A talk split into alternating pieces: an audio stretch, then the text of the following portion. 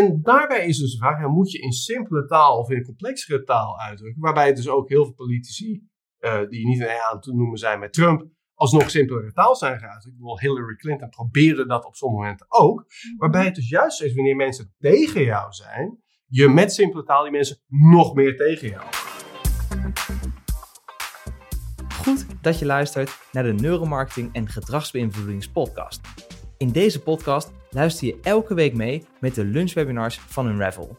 Waarin Tom van Bommel, Diede Vendrich en ik, Tim Zuidgeest, de laatste evidence-based insights uit de neuromarketing en gedragsbeïnvloeding delen. Vol met praktische insights die jij direct kunt toepassen. Voordat we beginnen met de aflevering, eerst nog even dit. Luister je graag naar deze podcast, maar zou je graag live vragen willen stellen en de key insights willen ontvangen? Schrijf je dan in voor onze webinars via unravelresearch.com. Zo mis je nooit de nieuwste evidence-based insights. Middag en welkom bij dit webinar. Mijn naam is Tine, naast me zit Tom. En nudging ja. werkt niet. Daar gaan we het inderdaad in dit webinar over hebben, ja. De wat uh, negatievere kant van nudging, wanneer het niet lukt. Ja, misschien een beetje een gekke uitspraak natuurlijk voor mensen die uh, alle twee een training hebben gemaakt over nudging en gedragsbeïnvloeding. Nou, het staat niet voor niks tussen dubbele aanhalingstekens. Het is namelijk een, een uitspraak die je um, ja, soms tegenkomt. Gelukkig heel vaak niet. Er zijn natuurlijk heel veel mooie cases van succesvolle nudges. Maar er is wel redelijk veel berichtgeving juist het afgelopen jaar geweest. In zowel mhm. kranten als ook de wetenschappelijke media. Ja. Waarin gezegd wordt, ja, als we helemaal hoog overkijken naar honderden nudges allemaal tegelijkertijd. Of mhm. in de meta-analyse, dus kijken wat het netto effect is. Dan zou het netto nul zijn. Ja. Dat is natuurlijk wel een tamelijk negatieve conclusie om te trekken. Zeker. Dus daar gaan we ons in dit webinar over buigen. Van, klopt dat? En zo ja, um, ja, wat betekent dat dan voor de praktijk van nudging? Waar we ons met zoveel uh, passie mee bezighouden. En niet alleen de uh, nudges die worden, uh, wordt van gezegd dat het niet werkt. Ook onze techniek die liet enigszins te wensen over. Daarom zijn we ook excuses daarvoor ja. twee minuten te laat begonnen. Maar de klikker die werkte niet. En de tweede klikker werkte ook niet. Dus onze verwachting is dat de USB-poort niet werkt. Dus we doen het vandaag even met de muis, maar dat mag de pret niet uh, drukken. Ja. Um, dit is wat je hier op deze sheet ziet, dus een van die voorbeelden. Hè. Nudging is niet effectief, zien we hier een artikel uh, noemen. Als je dat een klein slagje kan draaien. Ja. Uh, hier is dus een van die artikelen en daarin wordt verwezen naar zo'n grote meta-analyse. Dus een artikel waarin eigenlijk honderden wetenschappelijke artikelen uh, worden samengenomen om te kijken wat is nou netto het effect van nudging. Mhm. Dus dat zijn tal van verschillende studies geweest naar een vorm van gedragsbeïnvloeding. En in het geval van nudging op de plek waar het gedrag plaatsvindt. Dus soms werd iets moeilijker gemaakt, iets makkelijker gemaakt. Soms werd er ergens een bordje bij gezet met een klein psychologische cue daarop. Duizend en een verschillende soorten nudges. Netto effect, zeggen ze, is nul. Um, en daarin staat hier deze zin: nudging is een vorm van gedragsbeïnvloeding die steeds populairder wordt, maar is het ook effectief?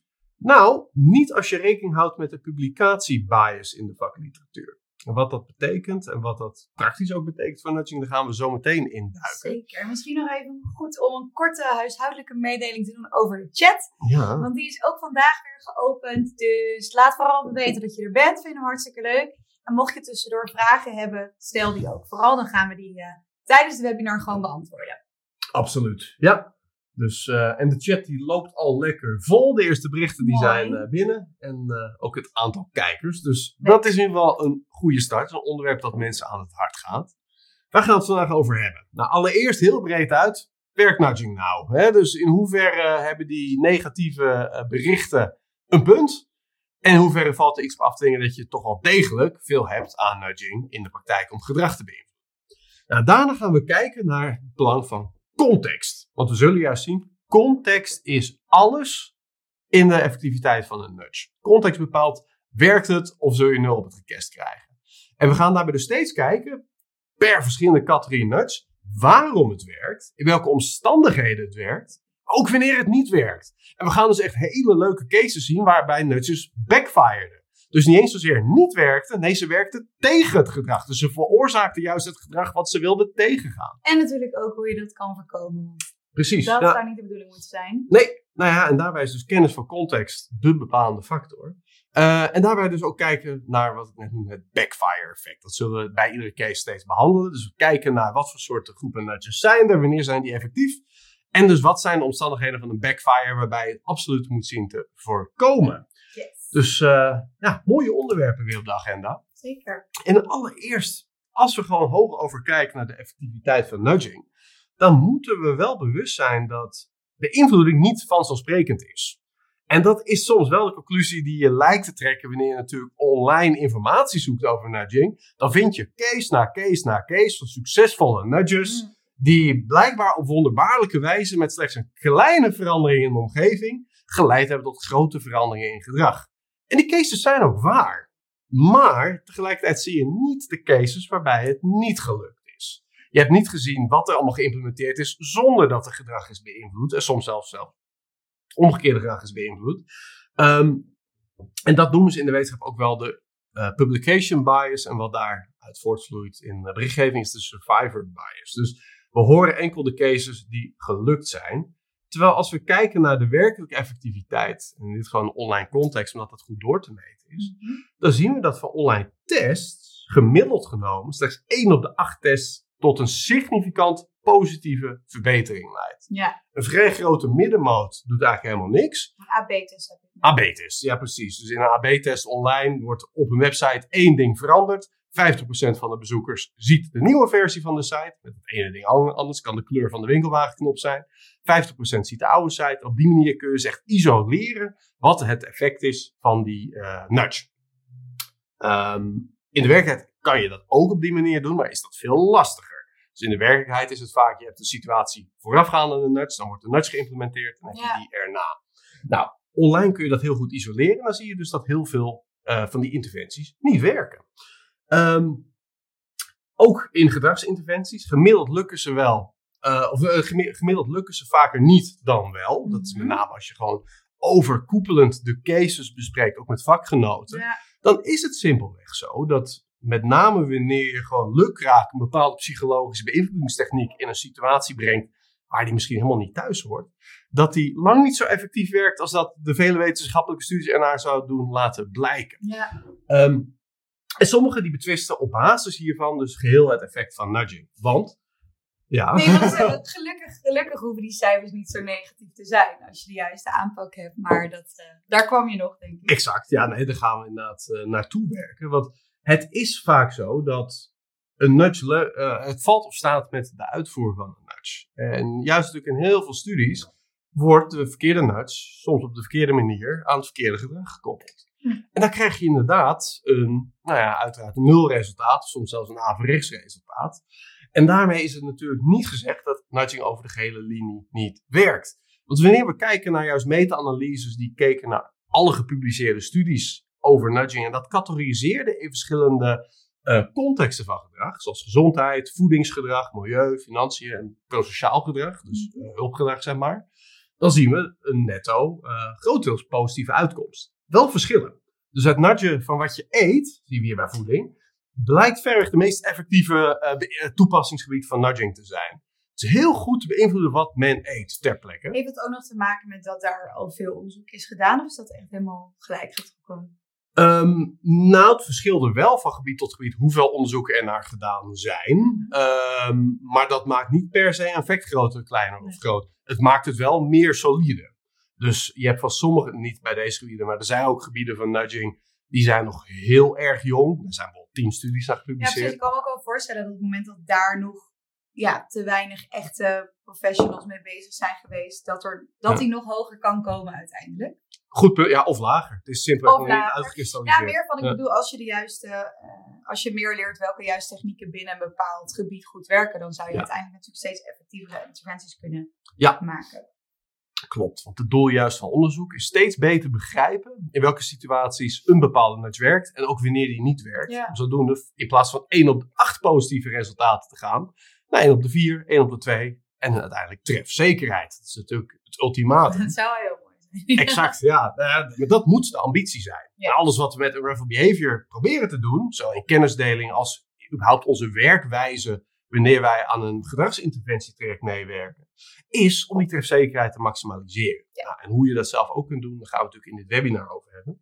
Maar hier zien we dus netto een positief beeld, met name op het gebied van voeding, gezondheid, milieu en prosociaal gedrag, dat gaat ook goed. Nudgen van financiën is een relatief lastiger. Uh, met name ook wellicht omdat het natuurlijk iets meer een doordachter uh, high-involvement beslissing is. Waar het lastig is om met kleine veranderingen in de omgeving een voet tussen de deur te krijgen. Dat is wat we hier zien. Ja. Nou, gemiddeld genomen, wanneer we dus over al die studies heen kijken, dit is dan wel weer het positieve nieuws, zien we een verbetering van 33,4% in het doelgedrag. Dat kan een toename zijn, vaker groente eten. Dat kan een afname zijn, minder alcohol drinken.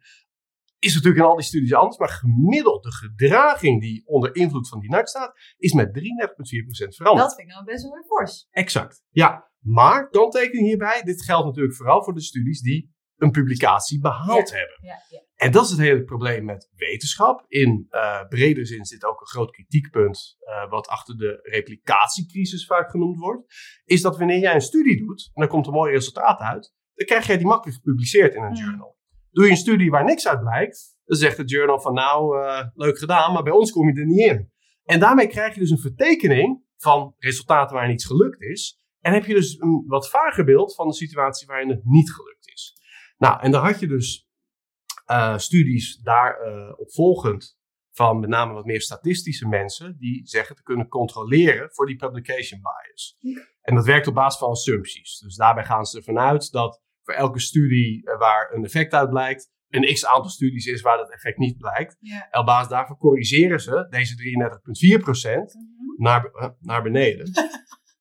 Maar ik dacht even dat je verwachtte dat daar een, een specifiek getal kwam, maar dat was niet zo. Nou, wellicht wel. Zou je hem één sheet terug kunnen tikken? Uh, of kan dat, ik, ik heb geen eerlijk gezegd hoe dat gaat. Als je op de uh, pijltjestoetsen drukt? De, van, oh, sorry. Ja. Ja. ah, dankjewel, boomer. ik ben zo'n boomer, zegt ze. Nee hoor, samen komen we er wel uit. Maar uh, we zijn wat beholpen met de klikker vandaag. Um, dus daar zijn wetenschappers geweest die hebben geprobeerd te controleren voor die, voor die effectgrootte. Dus daarmee hebben ze het naar beneden gedaan. Um, maar dat is helemaal gebaseerd op assumpties. Dus eigenlijk een soort van model waarbij je uitgaat van, nou, er zijn zoveel studies die zijn niet gepubliceerd, maar die hadden eigenlijk een nul effect gevonden.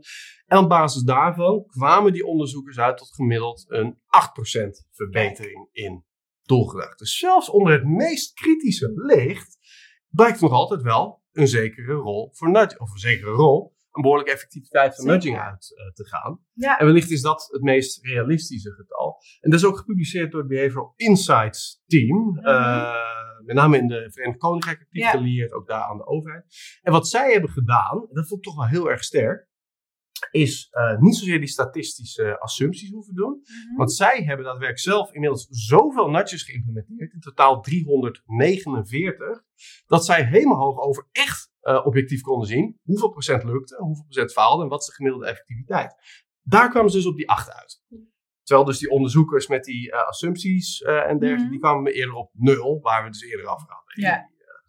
En dat is wel even het genuanceerde beeld van waarschijnlijk is het inderdaad zo dat als je nu gemiddeld op Google Scholar kijkt en naar de verschillende nudging cases, je vaker goed nieuws tegenkomt dan dat je zelf in de werkelijkheid zult aantreffen wanneer Ja. je aan de gang gaat met nudging. Het netto toch zeker wel positieve resultaten oplevert. En bovenal, waar we ons bewust van moeten zijn, is dat een uitspraak als nudging werkt niet, Mhm. wat de lompe titel van dit webinar is, eigenlijk een hele domme uitspraak. ja. Het- hier wordt daar een mooie metafoor door.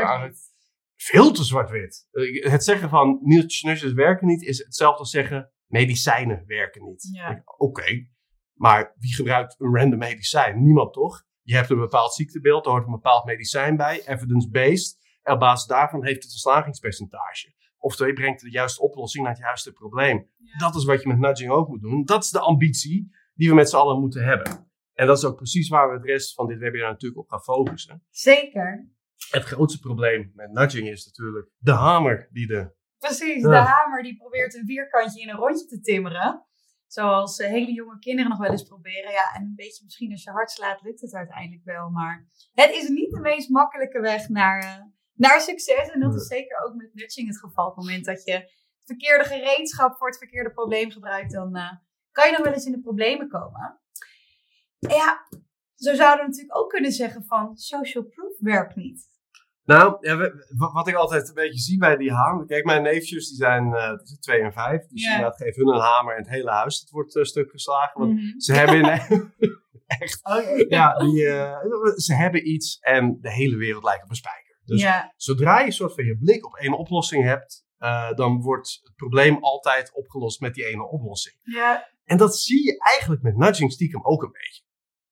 Hebt namelijk met nudging kun je zoveel doen. Er zijn mm. zoveel psychologische technieken waar goed onderzoek naar gedaan is. Maar er is maar een hele kleine fractie daarvan die iedereen kent. En die het meest wordt ingezet, ook op plekken waar dat niet zo effectief is. Het is natuurlijk super mooi, dat vind ik, dat uh, de psychologie en de kennis daarvan steeds breder verspreidt. En dat steeds meer mensen ook technieken leren kennen en denken, hey, hier kunnen we mee aan de slag. Mm. Maar soms is het net nog wel even iets complexer dan dat het lijkt. En dat is ook het geval met social proof. Als in, social proof is zeker heel effectief, kan heel effectief zijn, maar ook daar geldt weer context is super belangrijk. Want, wat is het social proof effect? Oh, sorry, ja, goeie. Uh, het social proof effect, waar we hem nog niet kenden, um, is dat wij heel erg kijken naar het gedrag van anderen om ons eigen gedrag te bepalen. Dus op het moment dat jij, uh, bijvoorbeeld op vakantie bent en je een restaurantje uitkiezen, en je ziet aan de ene kant van de weg een uh, lege tafeltjes en aan de andere kant van de weg zitten heel veel mensen. Nou ja, mhm. grote kans dat je dan bij dat drukke restaurant gaat zitten. Want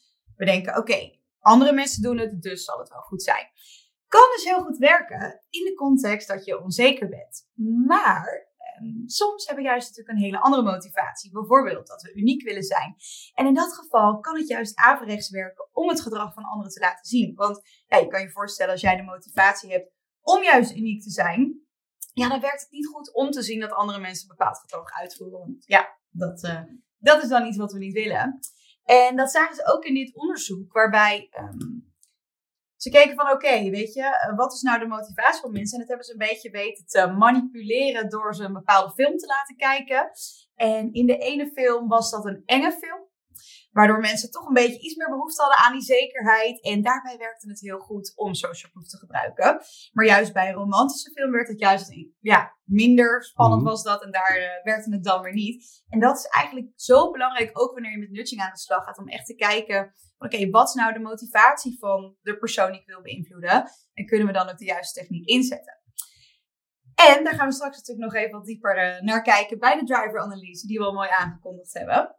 Ja, nou, wat ik van social proof wel heel leuk vind en wat het gevaar ervan is, je kunt het bijna altijd toepassen. Ja.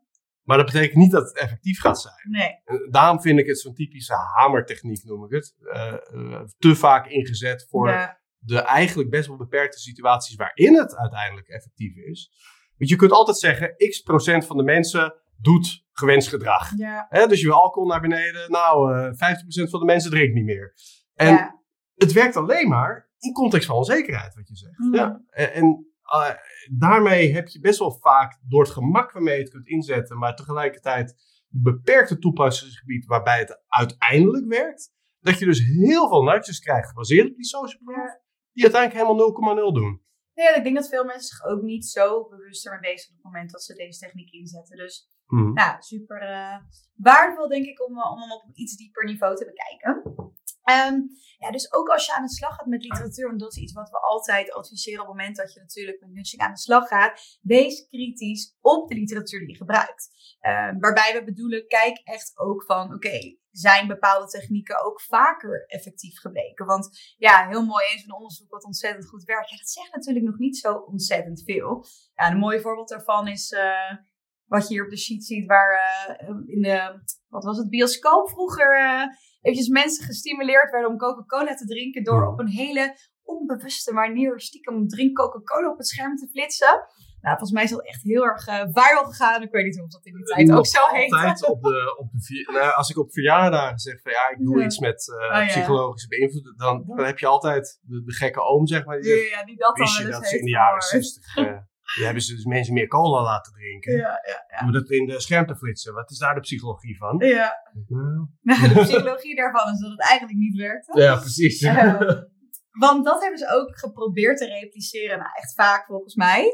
Maar dat bleek uh, absoluut niet effectief. En daarbij wil je dus ook echt wel kijken dat als je literatuur gebruikt, wees kritisch. Kijk vooral naar meta-analyses en kijk ook echt van oké, welke zaken zijn vaker getest. En ook daar weer hou rekening met de context. Want context is uh, zeer belangrijk daarin. Uh, dus dat is altijd heel belangrijk om daar uh, goed naar te kijken. Ja, nou, en daarbij is het natuurlijk wel heel vaak, wanneer er uit een studie blijkt van een bepaalde techniek, hè, van, mm -hmm. dat die daar niet werkte, heb je al snel dat mensen die nou, niet zo'n hoge pet op hebben, bijvoorbeeld überhaupt voor psychologie van die zeggen, kijk, daar, kwam je, daar werkt het niet. Ja. Dus de hele techniek is bullshit. Maar ja, ja. Je kunt juist heel veel leren van die studie waar het niet werkt. Ervan uitgaande dat die studie methodologisch juist is uh, opgesteld en goed uitgevoerd.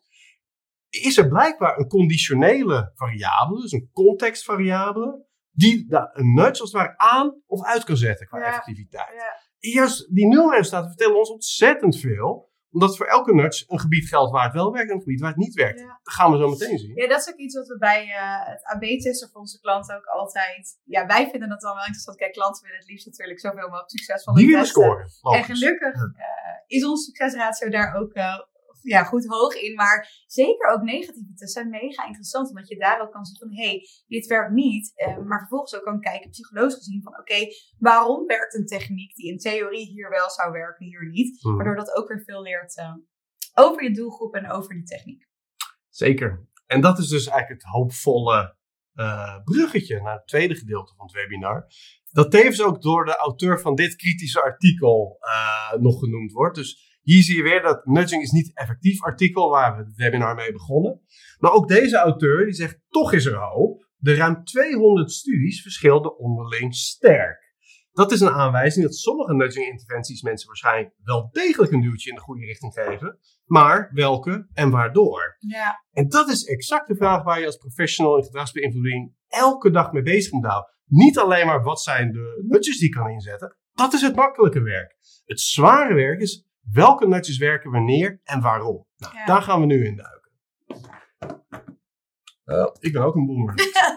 op de voorkant van de muis te klikken. Nou, voordat we dus een aantal praktijkcases van verschillende nudges gaan zien, wanneer ze wel of niet werken, wil ik mensen ook attenderen die er op een hele mooie training waar jij op dit oh. moment mee bezig bent in de productie. En dat is de nudging training. En die gaan, gaat exact over ja, hetgeen we nu bespreken in dit webinar. Hoe kun je nudges uh, zo goed mogelijk voor je laten werken in gedragsinterventies? Ja. En daarbij gaan mensen heel veel verschillende nudges leren. Maar bovenal, net als nu, ook leren wanneer ze wel en niet werken. Ja. Juist daar zit heel erg de kracht om nou, zo goed mogelijk gebruik te maken van dit soort inzichten. En die training die gaat uiteindelijk 497 euro kosten. Maar is nu nog in de early bird te verkrijgen. En dan is die 149 euro, inclusief BTW. Um, dus dat is een behoorlijk mooie kans. En deze aanbieding geldt enkel nog zo lang als dat de training nog in de productiefase zit. Ja. En je hebt hem bijna afgesloten ja, volgens mij. Ja, we zijn ver. Ik uh, moet eerlijk zeggen, ik weet niet precies tot met welke les online staat. Volgens mij tot en met zeven. En het zijn er elf, dus okay. uh, dat gaat aardig hard. Ja, nou inderdaad. Dus wees er snel bij om hem dus voor slechts nou, ongeveer 30% van de prijs te krijgen. 149 euro. En dan krijg je voor uh, 6 uur video, dus ongeveer uh, 6 uur aan video. Wel mooi opgeknipt in steeds behapbare lessen van onder bij de 20 minuten. Uh, levenslang toegang. En uiteraard bij completion een certificaat. Waarbij je dus kunt aantonen dat je de nudging training goed doorlopen hebt. Hoe kun je je daarvoor registreren? Nou, daarvoor hoef je alleen maar naar www.unravelacademy.com te gaan. Um, en daarbij kun je vervolgens de nudging training aanschaffen voor dit gereduceerde bedrag. Top. Hey. Zijn we nu. Volgende de... week weer de klikker. Want, uh... Volgende week de klikker, want dit haalt uh, onze tech savviness niet bepaald uh, naar boven. We gaan het hebben over context en tevens ook een kielzog daarvan het backfire effect. Dus ja. we gaan kijken naar verschillende soorten nudges en met name in welke context ze, ze werken. En leuke cases zien van hoe bepaalde nudge die in 9 van de 10 gevallen juist goed werkt, in een van de 10 gevallen precies het gedrag activeerde wat ze niet wilden. Ja, daar zit dat zijn de meest pijnlijke cases, maar Klopt. wel leuk. Soms heel grappig, uh, maar je kunt er absoluut veel van, uh, mm. van leren. Um, allereerst maar, wat voor type nudges zijn het meest robuust? Ja. En wat bedoel ik met robuust? Nou, dat ze eigenlijk in zoveel mogelijk situaties werken. Dus zo min mogelijk contextafhankelijk zijn. En daar is onderzoek naar gedaan. Dus ook hier zijn meta-analyses verricht. Waarbij uh, onderzoekers een groot aantal verschillende soorten nudges eigenlijk op de pijnbank hebben gelegd. Mhm. Vaak met tientallen studies per nudge. En die hebben ze gecategoriseerd in tien categorieën. En, die, die ga jij vertellen. Precies. Ja, zeker. Nee, wat Tom zegt, er zijn natuurlijk ontzettend veel mooie technieken die je kan inzetten. En zeker ook binnen die techniek nog weer heel veel verschillende manieren waarop je dat dan kan doen. En deze tien gaan we vandaag hier even voor je uitlichten. Nou, allereerst moeite en gemak. En eigenlijk is het heel simpel. Want um, wat we vaak zien en wat ja, heel goed werkt, is dat wanneer jij het gewenste gedrag wat je wilt stimuleren makkelijker maakt, dat de kans een stuk groter wordt dat mensen dat ook zullen uitvoeren. Dus nou, een mooi voorbeeld daarvan is wanneer jij wil dat mensen meer fruit gaan eten, nou, maak het makkelijk. Dus uh, bied het voorgesneden aan, heel simpel voorbeeld. Maar ook wanneer je juist iets moeilijker wil maken, en daar zien we natuurlijk heel veel uh, mooie voorbeelden in de werkelijkheid van, zorg dan dat dat lastiger wordt om dat gedrag uit te voeren. Dus bijvoorbeeld Um, ja, klassiek voorbeeld de sigaretten niet meer zomaar te pakken, maar achter een balie dat je eventjes die drempel hebt om te pakken. Nou, dan hebben we het default effect. Dat is, um, legt uit dat wij mensen eigenlijk super passief zijn. Dus we zijn van nature passief. En het liefst gaan wij vaak voor de standaard keuze, omdat dat vaak gemakkelijk is. Maar dat ook impliciet ons laat zien dat dat de logische keuze zou zijn op het moment dat je eigenlijk een beetje onzeker bent. Nou, denk aan um, automatisch sparen voor je pensioen, maar bijvoorbeeld ook uh, de, de klassieke case van het aantal donoren, wat ontzettend verhoogd kan worden door juist de default, dus de standaardkeuze te maken dat je wel al donor bent, in plaats van andersom. Nou, dan disclosure. Um, wat uitlegt dat extra informatie kan helpen om mensen nou, meer inzicht te geven in bepaald gedrag, maar ook makkelijker tot een keuze te komen. Dan hebben we de implementation intentions. En dat heeft te maken met het principe commitment vanuit de sociale psychologie. En dat principe legt uit dat wij mensen, wanneer wij een bepaald commitment maken, uh, de kans vergroten dat we dat uiteindelijk ook zullen gaan doen. En hoe concreter we die maken, hoe groter de kans voor dat we daar ook daadwerkelijk iets mee doen. Dus een mooi voorbeeld daarbinnen is. Stimuleer mensen om echt concreet te plannen waar, wanneer en hoe ze gaan stemmen. En je zult zien dat meer mensen dat ook daadwerkelijk gaan doen. Nou, dan hebben we feedback. Um, daarbij wil je informatie geven over het gedrag. Um, dus een mooi voorbeeld daarvan is feedback geven over hoe hard je rijdt.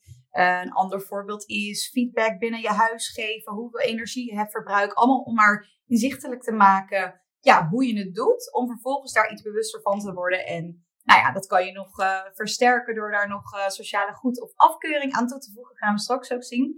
Uh, maar dat is ook ontzettend effectief om mensen te sturen. Nou, dan hebben we de pre-commitment. En dat is het activeren van een commitment voorafgaand aan gedrag.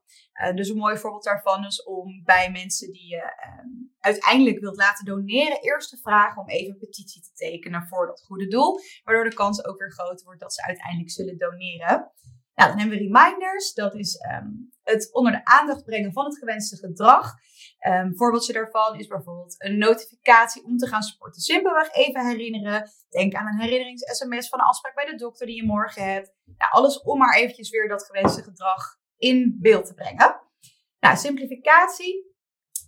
Um, dat kan je helpen om de keuzecontext te versimpelen. Bijvoorbeeld wanneer er te veel keuzes zijn om het aantal keuzes terug te brengen. Daarbij moet ik altijd denken aan die Head and Shoulders studie waarbij ze in eerste instantie, weet ik van 30 verschillende soorten shampoos hadden. En dachten, oh dat is toch goed, want mensen houden van keuzes en we willen graag die keuzevrijheid voelen. Uh, maar daarbij werkte het dus eigenlijk juist supergoed om nou, die keuze volgens mij echt uh, naar een derde daarvan te brengen, waardoor de verkoop enorm steeg. Um, dan hebben we sociale referenties. Nou, dat hangt weer samen met die social proof die we net zagen. Dus benadruk het gedrag van soortgelijke anderen. Um, waarbij dus zeker, maar dat geldt voor al deze nudges die hier staan, de context er ontzettend belangrijk is. En waarbij ook geldt dat hoe meer we ons vergelijken, of in ieder geval um, ja, meer een band voelen met de persoon van, van wie we het gedrag laten zien, dat dan ook de kans groot wordt dat we dat gaan volgen. Nou, dan ben ik er bijna, bij de tiende. De waarschuwing op graphics. En um, dat kan je simpelweg ja, laten zien uh, of even helpen, bijvoorbeeld wanneer je een nieuw wachtwoord verzint, hoe sterk dat is. En daarbij geldt ook weer dat visuele beelden daar uh, goed bij kunnen helpen, want we verwerken beeld makkelijker dan tekst. Hele mond dus- vol, maar. Uh, ja, dit is eigenlijk alle soorten nudges. Laten we zeggen, 99% van alle nudging-studies zou je kunnen onderbrengen in een van deze tien hoofdcategorieën. En dat hebben onderzoekers ook gedaan. En uh, niet alleen maar om te kijken welke nudges het populair zijn, maar ook bovenal welke het beste werken. Ja. En dat is wel leuk om te zien. Um, zeker omdat alle categorieën zeker werken, maar als we bijvoorbeeld daar binnen eventjes kijken, dan zien we dat die default, ja, dat is echt uh, de knaller van de categorie, als we het, uh, als het zo even mogen zeggen. Zeker, ja. Die, die staat met kop en schouders boven de rest. Ja. En laat zich ook natuurlijk tamelijk breed inzetten. Ja. Je kunt altijd in een keuzecontext een keuze op wat voor manier dan ook als de standaardkeuze maken. Ja. En super schaalbaar natuurlijk ook, wat ook super fijn is. Want dat maakt het ook makkelijk om ja. uh, zulke soort uh, effecten ook door te meten. Maar soms gaat hij wel grandioos verkeerd. Daar gaan we zo nog een voorbeeld van Daar zien. gaan we zeker een voorbeeld van zien. Ja, leuk. Is de muis. dan de vraag, ja, hoe vaak uh, gaat dat nou nog wel eens mis? Hoe vaak komt die backfire? Ja, de nudge backfire. Dat vind ik wel een van de leukste. Ik, ja, het werkt. 15%. Dus we hadden helemaal aan het begin van het webinar bespraken hoe vaak lukt nou een nudge over alle nudges heen genomen. Nou, dat is ongeveer 1 op 8. 15% die werkt dus averechts. Ja. Dus ik wil jou minder laten drinken. En door ja. mijn nudge ga jij meer drinken. Ja, kijk, we doen er een beetje lachig over, omdat het soms grappige voorbeelden zijn. Maar eigenlijk is het natuurlijk super kwalijk dat goed bedoelde interventies gewoon echt soms het ongewenste gedrag enorm versterken. En dat geeft wel weer aan hoe belangrijk het is om echt, wanneer je met menselijk gedrag aan de slag te gaan, echt de juiste ja, uh, professionele, professionele hulp klinkt een beetje uh, heftig, maar... die van ligt. Nee, maar het is wel, kijk, eh, het zijn natuurlijk vaak problemen die gewoon echt serieus gevolgen kunnen hebben. Dus het is zo belangrijk om daar echt goed naar die context te kijken. Ja. En ja. Het is dan alleen maar het getal van nudges. Mm -hmm. Maar we weten juist dat wat meer klassiek ingestoken campagnes nog veel vaker tot het ongewenste ja. gedrag leiden. Ik bedoel, je had langs de snelwegen een aantal jaar geleden zo'n campagne tegen appen achter het stuur. Uh -huh. En had je letterlijk van die billboards langs de weg waarin uh, WhatsApp-symbolen, Facebook-symbolen. Oh, yeah. En daarbij van, uh, dat doen we dus niet achter het stuur. Oh. Maar wat doet dat psychologisch? Jouw oog valt op WhatsApp, jouw oog valt op Facebook of Instagram. En dat activeert letterlijk ineens weer die lust om ja. even dat platform te checken. Ja. Wat altijd in het brein van de gebruikers van die platform zit. Die zijn psychologisch heel slim ingestoken. Ja. En door alleen al het logo te zien, activeer je weer die honger naar die platform. Dus waarschijnlijk heeft dit letterlijk tot meer verkeersafleiding, tot meer verkeersongelukken geleid. Zo goed bedoeld, maar ja, dat, ja Klopt. Daar, heb je, daar koop je weinig voor helaas in dit geval uh, inderdaad levert het alleen maar kosten in de meest uh, nadelige zin van het woord op. Ja. Um, maar dat geldt dus ook zelfs voor nudges die in veel contexten effectief zijn. En wat we even gaan doen, die, is, dat vind ik wel leuk, is als we eigenlijk die top 3 uh, checken. Dus we hebben net mm -hmm. 10 categorieën gezien. Ja. Nou, we gaan ze echt niet alle 10 langslopen.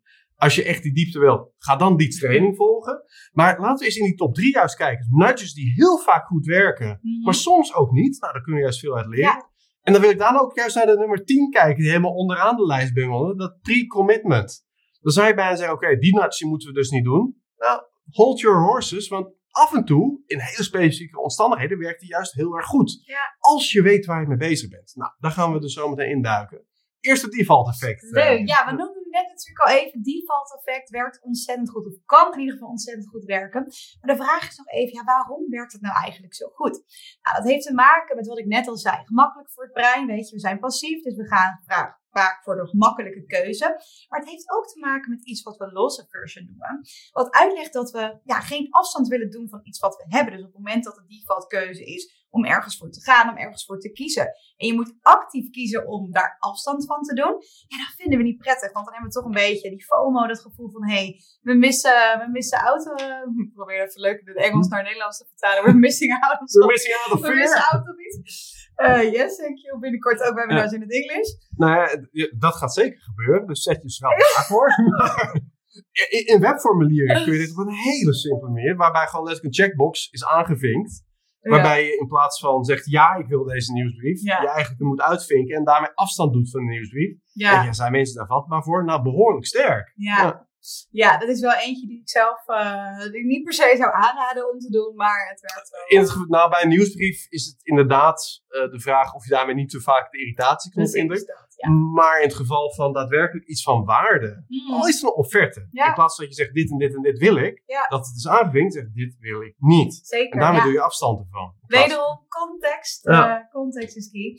Ehm, nou, leuke vraag, leuk bruggetje daarnaar eigenlijk. In welke contexten werkt het? Nou, sowieso goed om te zeggen, eh, dit, dit kopje zeg maar die we bij alle eh, komende effecten gaan doen, is niet zo zwart-wit als dat het lijkt. Als in, eh, we willen niet zeggen dat het puur en alleen bij deze contexten werkt. Maar er zijn wel bepaalde contexten waarin deze technieken specifiek goed werken. Ehm, en in dit geval is dat vrij breed. Dus denk echt aan eh, gezondheid tot aan financiën. Eigenlijk ja, in bijna alle gevallen kun je deze techniek wel toepassen. Voor sommige technieken is dat net wat specifieker. Ehm, maar er zijn wel hele belangrijke condities waaraan zo'n default effect moet voldoen Mhm. om ook daadwerkelijk te werken. Want we zeiden natuurlijk net al, soms werkt het niet. Nou, dat gaan we straks zien. Maar iets wat daarin belangrijk is, is dat het default realistisch is. Dus iemand moet ook aanvoelen van, hé, hey, dit is ook een logische default. Ehm, en wat heel belangrijk is, is dat het niet vrijheidsbeperkend is. En dat zou je natuurlijk bij, ja, wat je hier ziet kunnen afvragen. Want nou, tegenwoordig proberen ze soms je wat meer in de richting van een vegetarische optie te ehm, ja, sturen. Eigenlijk door dat als de default te framen. Dus ze zeggen van, hé, hey, standaard krijg je een vega. Wil je met vlees, moet je dat actief zeggen. Super positief. En ik denk ook dat dat steeds normaler gaat zijn. Maar je hebt natuurlijk ook altijd wel ja, mensen die daar een beetje van eh, gaan stijgeren. Vooral de, de fanatieke vleeseters die zeggen van hey, Ja. doe maar normaal. eh, want het is niet normaal. Vega is niet normaal. Eh, maar dat vind ik wel interessant om daar ook naar te kijken van oké, ja, wanneer, wanneer is het dan realistisch en wat is de norm? Ik denk dat daar Mhm. voor heel veel dingen best wel normverschuivingen gaande zijn. En ik had daar toevallig gisteren een mooi voorbeeld van. Ik was eh, op, eh, op eh, de hockeyclub, Kampong was ik. En daar hebben we een mooi advies gegeven over hoe daar bezoekers van die club gezondere keuzes kunnen maken. Ja. En ik stond aan de bar, die was dus heel trots, maar achteraf bleek dat niet heel terecht. En een teamgenoot van mij bestelde een biertje. En die jongen vroeg, met of zonder alcohol? En toen dacht ik, dit is top, want dit is wel een advies wat wij gegeven hebben om Ja. Het minder normaal te laten lijken dat met alcohol de standaard keuze is. Ja. Maar het mooie was, ik zei tegen hem heel trots, hey, moest je dat doen? Hij zei, nee. Hij zei, nee, dat vraag ik gewoon. Omdat dus tegenwoordig bijna eh 90% van de mensen die op, op een doordeweekse dag een biertje bestelt, een alcoholvrij wilt. En toen dacht ik, oh, dat is best wel vet of zo, dat, dat, dat die normverschuiving dus heel erg gaande is. En dat dus deze vraag nu ook gewoon gesteld Ja. kan worden. Ik moet wel zeggen, mijn teamgenoot zei, met natuurlijk. Ja. Maar Ja, goed. het zal bij individuen en, en context heel erg verschuiven. In, Ja. in verschillende context van sport is de eerste context waarbij het normaal is om te vragen van eh, wil je alcoholvrij of niet. ja, Ehm, een kroeg op zaterdagnacht. ja, daar wordt het lastig duurt het mee. nog wel even, denk ik. Dus Ja. ook hier context bepaalt dat wel heel erg. Zeker, maar ik vond het wel heel mooi om te zien dat dat dus, ja, dat zulke soort dingen gaande zijn. Op Ja. zich is dat natuurlijk, eh, vooral als je mij vraagt, positief. Met oog op gezondheid. Zeker. Ja, en ehm, ja, die, die campagne van Burger King eh, is afkomstig van mij uit Oostenrijk of Duitsland. Ja. En dat is wel, het is natuurlijk een land waar relatief veel vegetariërs al zijn. En ook flexitariërs, waarbij het een goede test was. Want ze zeiden letterlijk bij normaal of met vlees. Ja. Niet alleen dat dat in het restaurant gevraagd werd, maar dat werd ook groot op billboards gezet. Echt wel een beetje als statement. Dan vraag ik me wel af, had dat in eh, eh, Midwest America Hmm. met eh, de barbecue cultuur al daar, had dat ook zo Nee, zeker. uitgepakt? Dus dat is, dat is weer een, een goed punt. Maar goed, is de default dus altijd wel zo slim? Dat is Mhm. natuurlijk de vraag. En hier is een mooi voorbeeld van wanneer dit niet echt het geval was. Een default kan zeker interessant zijn en ook zeker in deze context wanneer je mensen wilt stimuleren om meer te doneren. Ehm, door bijvoorbeeld ehm, mensen aan te geven of ja, meer, misschien is dan meer het anchoring effect wat goed werkt door een soort van hogere default te zetten dat mensen uiteindelijk meer gaan doneren. Dus stel jij Mhm. zegt van hoeveel wil je doneren? Ehm 10 of 20 euro. Of je zegt 20 of 50 euro. Dan is de kans groot dat het hoger uitkomt wanneer je dat anker of anker hoger inzet. Ja. Wat ze hier hebben gedaan is ehm, gevraagd hoeveel wil je doneren. En ze hebben gezegd, oké, er staan vinkjes 100, 50, 20, 10, 5 of anders. Maar ze hebben de default hebben ze gemaakt om 100 euro te doneren. Dus dat vinkje hadden ze al aangevinkt. En op het moment dat je dat anders wilde, moest je dat actief veranderen. Nou ja, je voelt het misschien al een beetje aan, zeker met wat er op de vorige sheet stond. dat is nogal ja, dwingend, Mhm. als je mij vraagt. En in dat geval zagen ze dus ook dat wanneer ze dat wel deden, dat uiteindelijk het bedrag wat mensen wilden doneren uiteindelijk lager eindigde dan wanneer de mensen de vrijheid gaven. En dit is zo'n mooi voorbeeld van, oké, een default is mega interessant, maar niet altijd. Zeker. Ja. ja, wanneer het aan die grondvoorwaarden voldoet, dat het gevoel van vrijheid is de perceptie van vrijheid, niet eens de objectieve vrijheid. Want Ja. objectief is die persoon net zo vrij iets anders Ja. aan te klikken. Zeker. Maar doordat die nudge zo zichtbaar is met een vinkje in het hoogste bedrag, voelt dat toch, eh, voelt het toch anders. Dan simplificatie. Dus dit was de nummer twee van eh, de nudges die breed uitgezien het allerbeste werk, eh, werkten. Is simpelweg, nou, ik gebruik het woord al, simpelweg het aanpassen van informatie om het gemakkelijker te maken voor het brein. Nou, we weten, het brein is lui, wil het liefst zo min mogelijk informatie hoeven verwerken. Maar in heel veel keuzecontexten is het communiceren van veel informatie nou eenmaal nodig. Ja. Denk bijvoorbeeld in de context van belasting. Eh, de Belastingdienst die stuurt graag post. In ieder geval naar mij wel. en die post die ligt er niet om. Dat zijn eh, dikke enveloppen met veel papier erin. En dat zijn er altijd best wel eh, lange alinea's, weinig witruimte. En soms worden er bepaalde acties van mij verwacht. Net Mhm. deze week moest ik mijn accountant eh, toestemming geven om een handeling te mogen verrichten. En er was dus een bepaalde actie voor mij nodig om een QR-code naar de accountant te sturen. Maar er waren dus drie bladzijden waarbij ergens halverwege die brief die actie verweven zat. Ja. En voor de rest heel veel inleiding en ook heel veel afsluiting van allerhande zaken. Wat die toestemming bijvoorbeeld zou impliceren voor mij. Maar mijn, wat werd er van mij verwacht? Nou, Daar moest ik echt die brief best wel voor doorspitten. Ik heb dat toevallig gedaan. Eh, en ik hoef niet eens naar anderen te te wijzen. Ik in het verleden heb dat ook wel eens niet gedaan. Omdat ik simpelweg die actie niet zag. En vervolgens kom je in de problemen. Ja. Ja. Eh, de Engelse Belastingdienst, ehm, geholpen overigens door die nudging unit waar we het eerder over hadden. Ehm, die hebben daar iets op bedacht.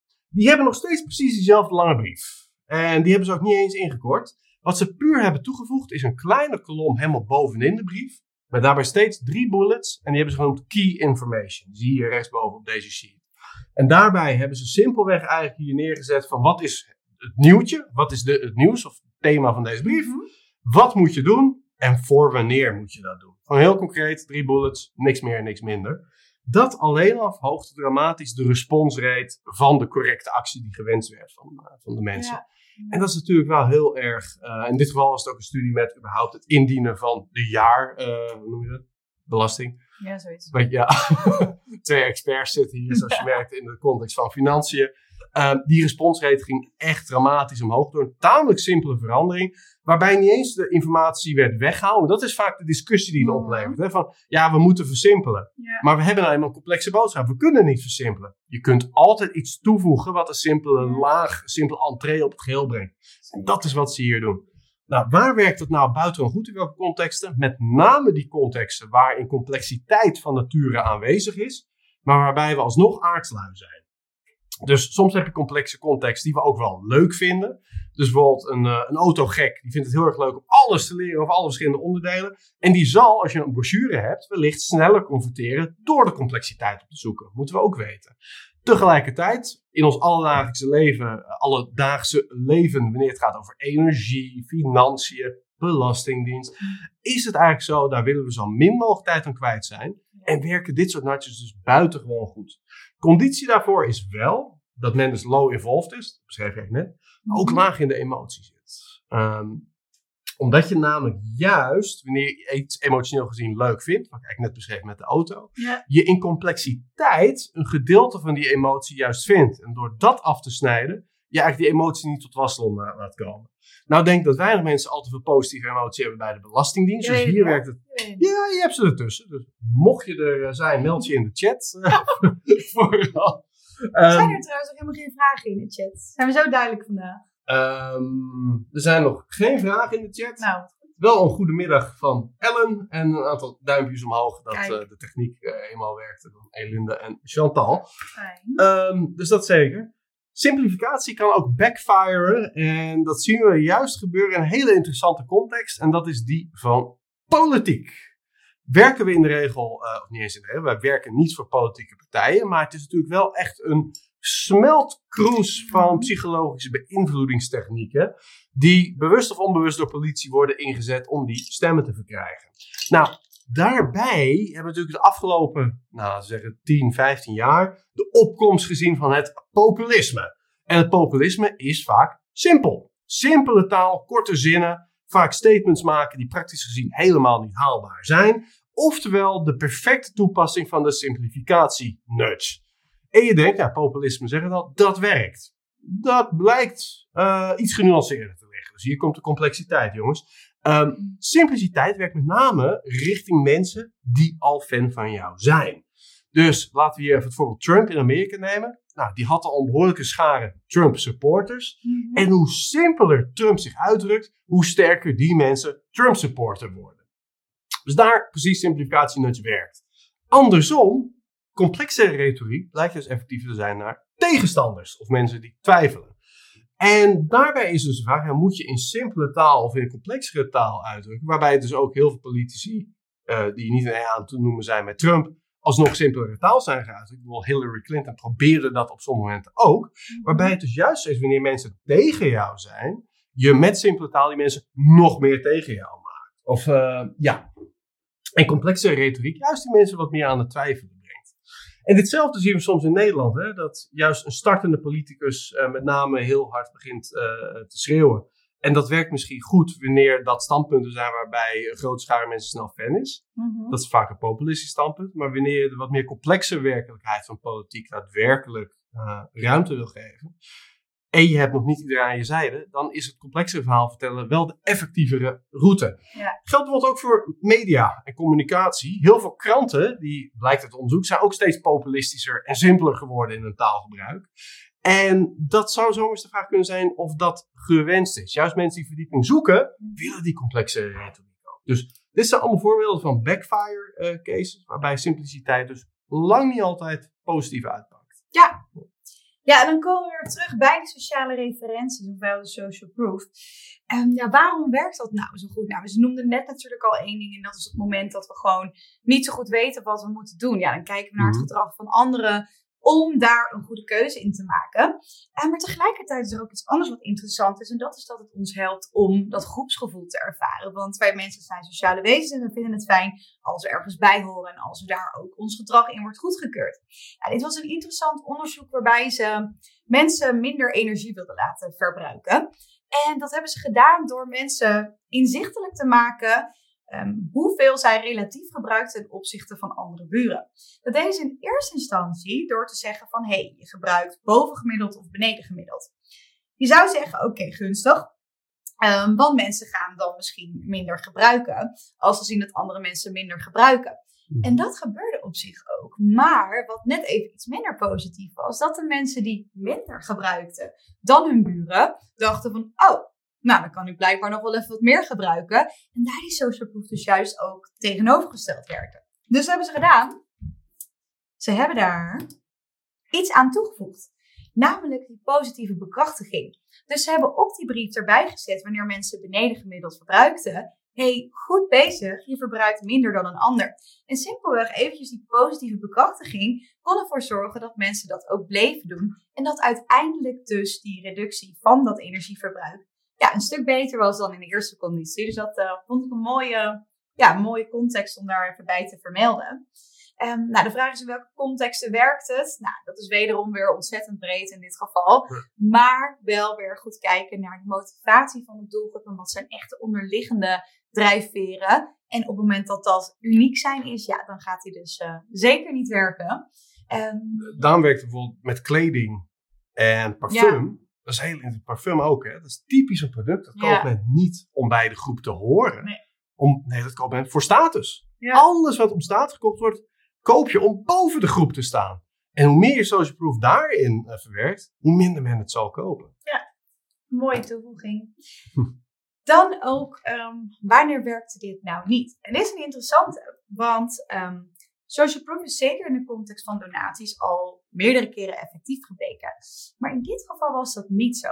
Dus wat ze deden, um, ze gingen langs de deuren en ze vroegen aan mensen van... hey, wil jij voor um, deze case doneren? Nou, het ging over milieugedrag. Ja. En in de ene conditie zeiden ze simpelweg dat. En in een andere conditie zeiden ze erbij 80% doet dit al.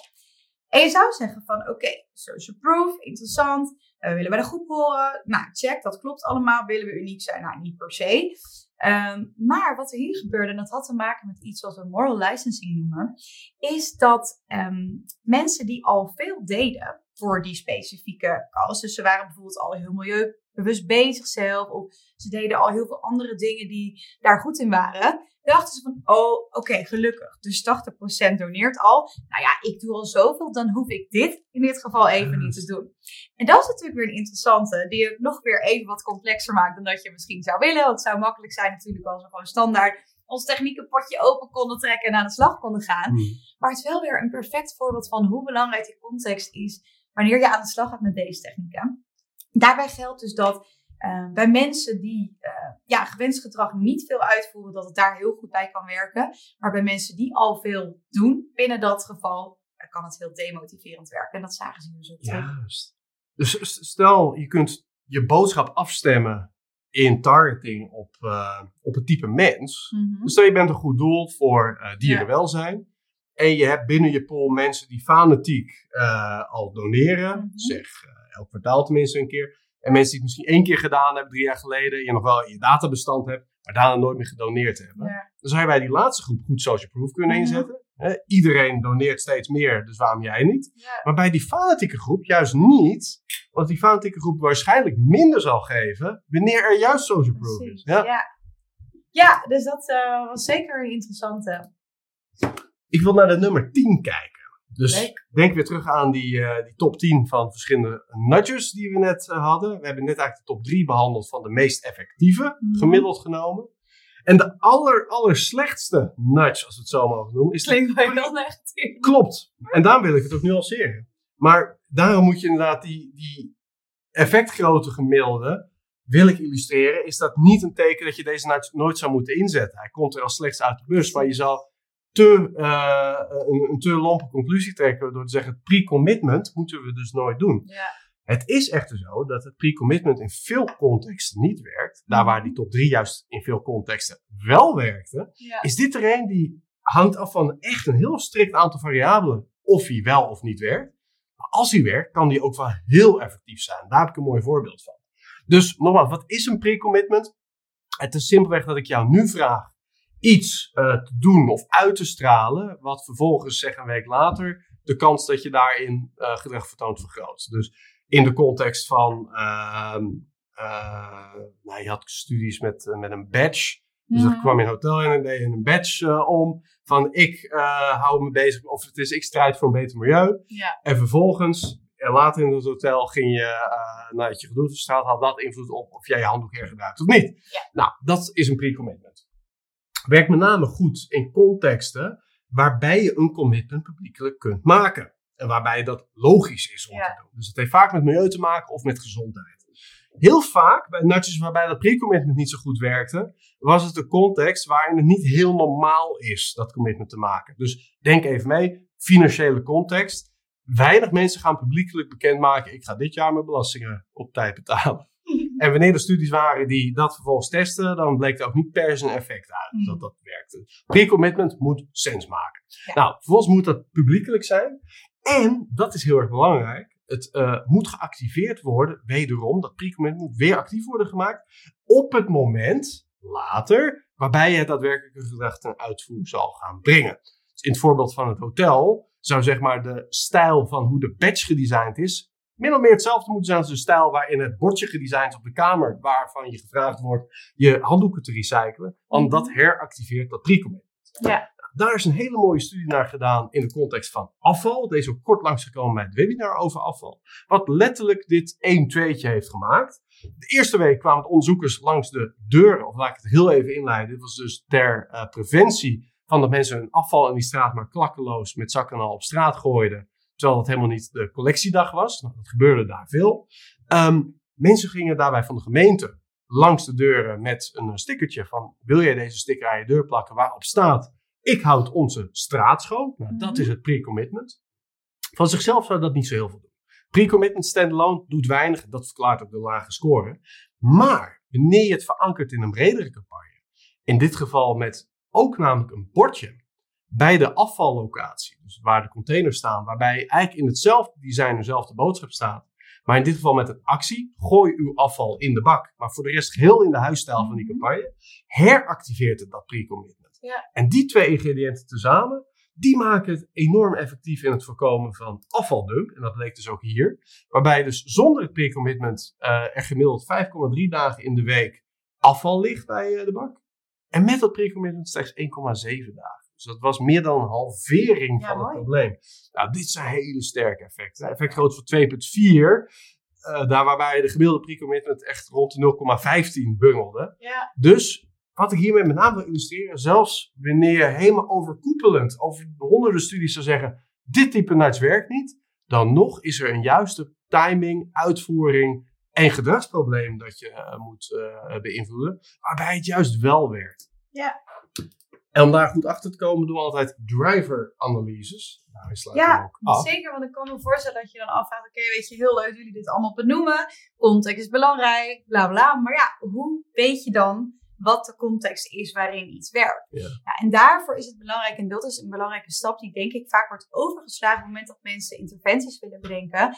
En dat is echt een goede probleemanalyse doen. Want vaak is het van, oké, er is een probleem, eh, we hebben heel veel technieken die werken, eh, laten we een mooie techniek gaan toepassen en dan gaat vast het gewenste gedrag vaker voorkomen. Mhm. Maar zoals we vandaag hebben gezien, eh, is het dan wel heel erg belangrijk dat dat de juiste techniek is. En dat met name ook de techniek ook echt inspeelt op de psychologische drijfveer die ten grondslag ligt aan dat gewenst of ongewenst gedrag.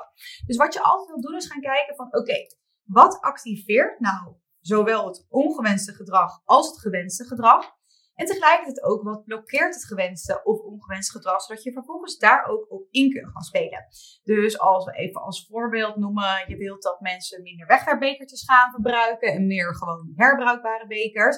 En dan kan je kijken van wat activeert nou dat gewenste gedrag. Nou, heel simpel voorbeeld wat we vandaag ook voorbij hebben zien komen. Maak dat gedrag simpel. Dus zorg dat ehm, ja, die eh, glazen gewoon altijd beschikbaar zijn en dat mensen het gewoon makkelijk kunnen pakken op het moment dat ze koffie willen halen. Tegelijkertijd, ehm, wat blokkeert nou gewenst gedrag? Nou, je kunt je voorstellen als jij al jarenlang een wegwerpbekertje pakt Mhm. en dat is zo'n diep ingesleten gewoonte, nou ja, dan blokkeert dat wel echt dat jij het gewenst gedrag gaat uitvoeren. Dus daar zou je iets met die gewoonte moeten gaan doen. Nou, wat activeert ongewenst gedrag? Ehm, ja, noem eens iets als in. Het kan natuurlijk ook van alles zijn, maar ehm, bijvoorbeeld dat het ehm, makkelijker ook weer is om dat ge- ongewenst gedrag uit te voeren. Dus wat we bijvoorbeeld ook zagen in dit eh, onderzoek was dat het heel makkelijk werd gemaakt om als wanneer jij koffie voor je collega's wilde halen, om zo'n om dat met zo'n, ja, hoe noem je dat, zo'n treetje te doen waar Mhm. precies die wegwerpbekertjes in zaten. Ja, dat maakt het ook weer eh, natuurlijk eh, de kans groter dat je dat op die manier gaat doen. Ja, hetzelfde geldt voor het blokkeren van ongewenste gedrag. Daar wil je ook weer gaan kijken van wat zijn nou dingen die dat blokkeren. En als je zo'n driver-analyse helemaal zo invult, ja, dan kan je echt gaan ontdekken van oké, hoe moet ik daarop inspelen? Vraag is natuurlijk, hoe kom je erachter? Ja, dat kan op verschillende manieren, maar wat je vooral wilt doen is echt goed onderzoek. En dat kan met interviews, dus je kan echt de doelgroep gaan interviewen. Eh, maar zeker ook een stukje gedragsobservatie. En die is misschien nog wat belangrijker dan die interviews. Want ehm, nou, we hebben natuurlijk eh, voor de mensen die vaker kijken naar de webinars gezien dat mensen soms niet doen wat ze zeggen en niet zeggen wat ze doen. Omdat we een stuk minder bewust en rationeel door het leven gaan als dat we zelf vaak denken. Ehm, dus zeker ook kijken naar wat mensen echt doen wanneer ze op, ja, op het punt staan dat ze in dit geval koffie moeten gaan halen. En dat brengt echt heel veel waardevolle informatie naar boven. Ehm, en daarnaast ook natuurlijk literatuuronderzoek, waarbij we vandaag hebben gezien. Kijk vooral echt naar meta-analyses, waarbij uh, zaken goed gerepliceerd zijn. Ja. En je hoeft niet per se zelf de literatuur in te duiken als je hier maximaal van wil profiteren. Want we hebben jouw training. Oh, iets Nee hoor, die, die, uh, die zou ik... Uh, ik doen. Ja, moet ik nog wat zeggen? Ja. Nee, uh, ik wil ook trouwens zeggen, heb je je laatste vragen over nudging? Stel ze nu in de chat, dan kunnen we die nog meenemen aan het eind. En wat ik met name wil zeggen is, als er nou, één ding eigenlijk duidelijk is geworden in dit webinar, is dat nudging zeker wel werkt. Maar als je gewoon wild uit de heup schiet, dus gewoon een random nudge waarvan je denkt, nou, dat kunnen we wel toepassen in dit probleem. Hè, dus de hamer pakt uh, om elk uh, probleem op te lossen. Ja. Dan gaat het waarschijnlijk niet werken. Althans, dan is de kans dus slechts 1 op de 8, 1 op de 10 dat je een trefzekere nudge zal hebben. Terwijl als je goed kijkt naar de context, ook met een drive-analyse, maar ook op basis van de literatuur, wanneer bepaalde soorten nudges nou buitengewoon goed uitpakken. Wanneer je dat meeneemt, dan kun je zomaar een trefzekerheid van 1 op 4, 1 op 2 en misschien daarvoor bij krijgen. Nou, en daar werkt jouw training natuurlijk ook heel goed bij, omdat je daarbij niet alleen vele soorten nudges op een hele praktische wijze op een rij zet, maar bovenal ook zegt wanneer ze werken en wanneer ze niet werken. En dat is zo belangrijk om te snappen wat de psychologie achter een nudge is. Social proof, dat kennen we bijna allemaal wel. Maar waarom werkt dat? Welk probleem lost het op? En is dat probleem wel dat werkt bij jouw specifieke kwestie aan de gang? Nou, daar gaat het uiteindelijk over. Um, wil je de training volgen, dan kan dat op www.unravelacademy.com. Nu dus, zoals gezegd, ook nog met een early bird korting. Die is niet lang meer geldig, want dat doen we alleen in de productiefase. Nou, je hebt hem bijna af. Um, en daarbij is hij dus in plaats van 497 euro uh, slechts 149. Dus Ja. pak die kans op www. En mocht je nog... oh, sorry, ik ging helemaal... Wil je nog een keer www het zou zeggen. www. Ik wil nog een keertje www. Gooi er, gooi er nog maar een keer in. unravelacademy.com. En dan vind je daar de nudging training. Ja, wat ik wilde zeggen, mocht je er nog vragen over hebben of andere uitdagingen op het gebied van gedragsverandering, mail ons dan even. Eh, dat kan op diede.unravelbehavior.com. Yes. Ja, en er zijn nog een paar vragen. Voordat we hem echt eh, definitief afsluiten. En dat is... T vraagt, eh, zijn er specifieke psychologische factoren die bepalen wanneer mensen behoefte hebben aan uniciteit of juist willen afwijken van sociale referenties. Ehm, dat is met name context bepaald. Dus doen we het gedrag om aan onze status te werken, dan willen we juist afwijken van de groep. Dus dat kan het kopen van parfum zijn. Maar net zozeer in eh, sociale contexten willen we soms juist eh, ja, beter zijn dan anderen. Denk bijvoorbeeld in de context van onderwijs. Hè, de, onderwijs is juist een context waarbij social proof in de regel wat minder goed werkt. Als het gaat om leerprestaties, Ja. eh, althans. Je hebt natuurlijk ook wel problemen met jongeren. Daar kun je social proof weer goed bij gebruiken. Ja. Want ze willen bij de groep horen. Maar het is met name context bepaald. En een deeltje persoonlijkheid. Dus je hebt wel mensen met een grotere neiging om juist buiten, boven of weer los van de groep te staan. Hoge need for uniqueness. Er zijn ook vragenlijsten over om mensen daarin te kunnen testen. Eh, en je hebt mensen die een sterkere behoefte hebben aan het horen bij die groep. En dat is ook cultuurgebonden. Dus vaak zijn westerse culturen iets individualistischer. Oosterse culturen iets collectivistischer. Dat was het? Jij wilde ook wat zeggen Ja, ik wilde Ja. het zeggen, maar ik dacht, ja, je hebt het eigenlijk ook wel goed. Want ik wilde zeggen, ik wil gewoon nog, nog een laag dieper gaan, eigenlijk gaan kijken van, oké, wat is nou de motivatie van waarom iemand uniek wil zijn of juist eh, bij de groep wil horen. Dus daarbij wil je echt naar die basismotivaties van de mens gaan kijken. Mhm. Eh, maar dat is ook weer heel lastig om daar nu heel specifiek op in te gaan, want dat is echt per situatie anders. eh. En weer contextafhankelijk. Volgens mij hebben we nog nooit zo vaak het woord context. Ja, maar het gaat ook allemaal om het gaat allemaal context. context. Als je de In context, een uur als je er geen rekening mee houdt, dan lukt het waarschijnlijk niet. Nee. Eh, Anne die vraagt welke rol spelen onderliggende motivaties, persoonlijkheidskenmerken en sociale invloeden bij onze reactie op nudges? Ja, precies. Dat, eh, dat is bijna de titel voor een volgend webinar, eh, denk ik. Ehm, niet een webinar dat volgende week, Oh, ik denk maar een volgend webinar. Ja, Als je-. Het leent zich heel goed om een geel webinar Ja. op te baseren. want Het is natuurlijk een hele brede vraag, maar dit zijn eigenlijk allemaal contextvariabelen. En context bedoel ik in die zin breed, want het gaat natuurlijk om welk, welke personen wil je beïnvloeden en wat zijn überhaupt hun motivaties. En sluit een nudge wel op aan. Als de context daadwerkelijk, de environmental context, de omgevingscontext, die bepaalt of een bepaalde motivatie aan de orde is. En dat is heel erg afhankelijk van het soort vraag en ook het type nudge. Behalve dat dus dat precies de knoppen zijn die bepalen, gaat deze nudge werken of niet? Het heeft allemaal daarmee te maken. Ja. Goed, nou verder zijn er geen vragen. Dus ik zou zeggen, die uh, sluit hem af. Top. Ja, ontzettend leuk dat je er vandaag bij was. En we zien je graag volgende week weer terug. Dan gaan we het hebben over copywriting uit mijn hoofd. Het is leuk hè, dat ik een keer weet welk onderwerp komt. Het zit heel veel voor te zoeken hier. Dankjewel, Dier. Meestal kijk ik op dit moment naar hoofd voor dat jij weet wat we gaan vertellen volgende week. Maar dit keer weet ik hem. We gaan het hebben over copywriting, dus persuasieve copywriting. En specifiek, hoe kan je de weerstand bij je lezer verlagen? Dus beware, uh, denk ik. Doei! Voordat je gaat, nog een paar dingen. Vind jij het belangrijk om op de hoogte te blijven van dit soort nieuwe inzichten? Schrijf je dan in voor onze webinar nieuwsbrief op unravelresearch.com. Wist je trouwens dat Tom, Diede en ik ook te boeken zijn als gastspreker? Of als je meer de diepte in wilt gaan voor een in-company masterclass of inspiratiesessie? Neem voor meer informatie hierover contact op met emily at Heb je vragen of suggesties over deze podcast? Laat het me vooral dan even weten via tim at En als laatste, vond je deze podcast waardevol? En denk je nu aan één persoon die deze aflevering ook zou moeten luisteren? Stuur hem dan vooral door. Of geef ons een beoordeling in jouw podcast-app. Zo kunnen andere mensen deze podcast ook sneller vinden.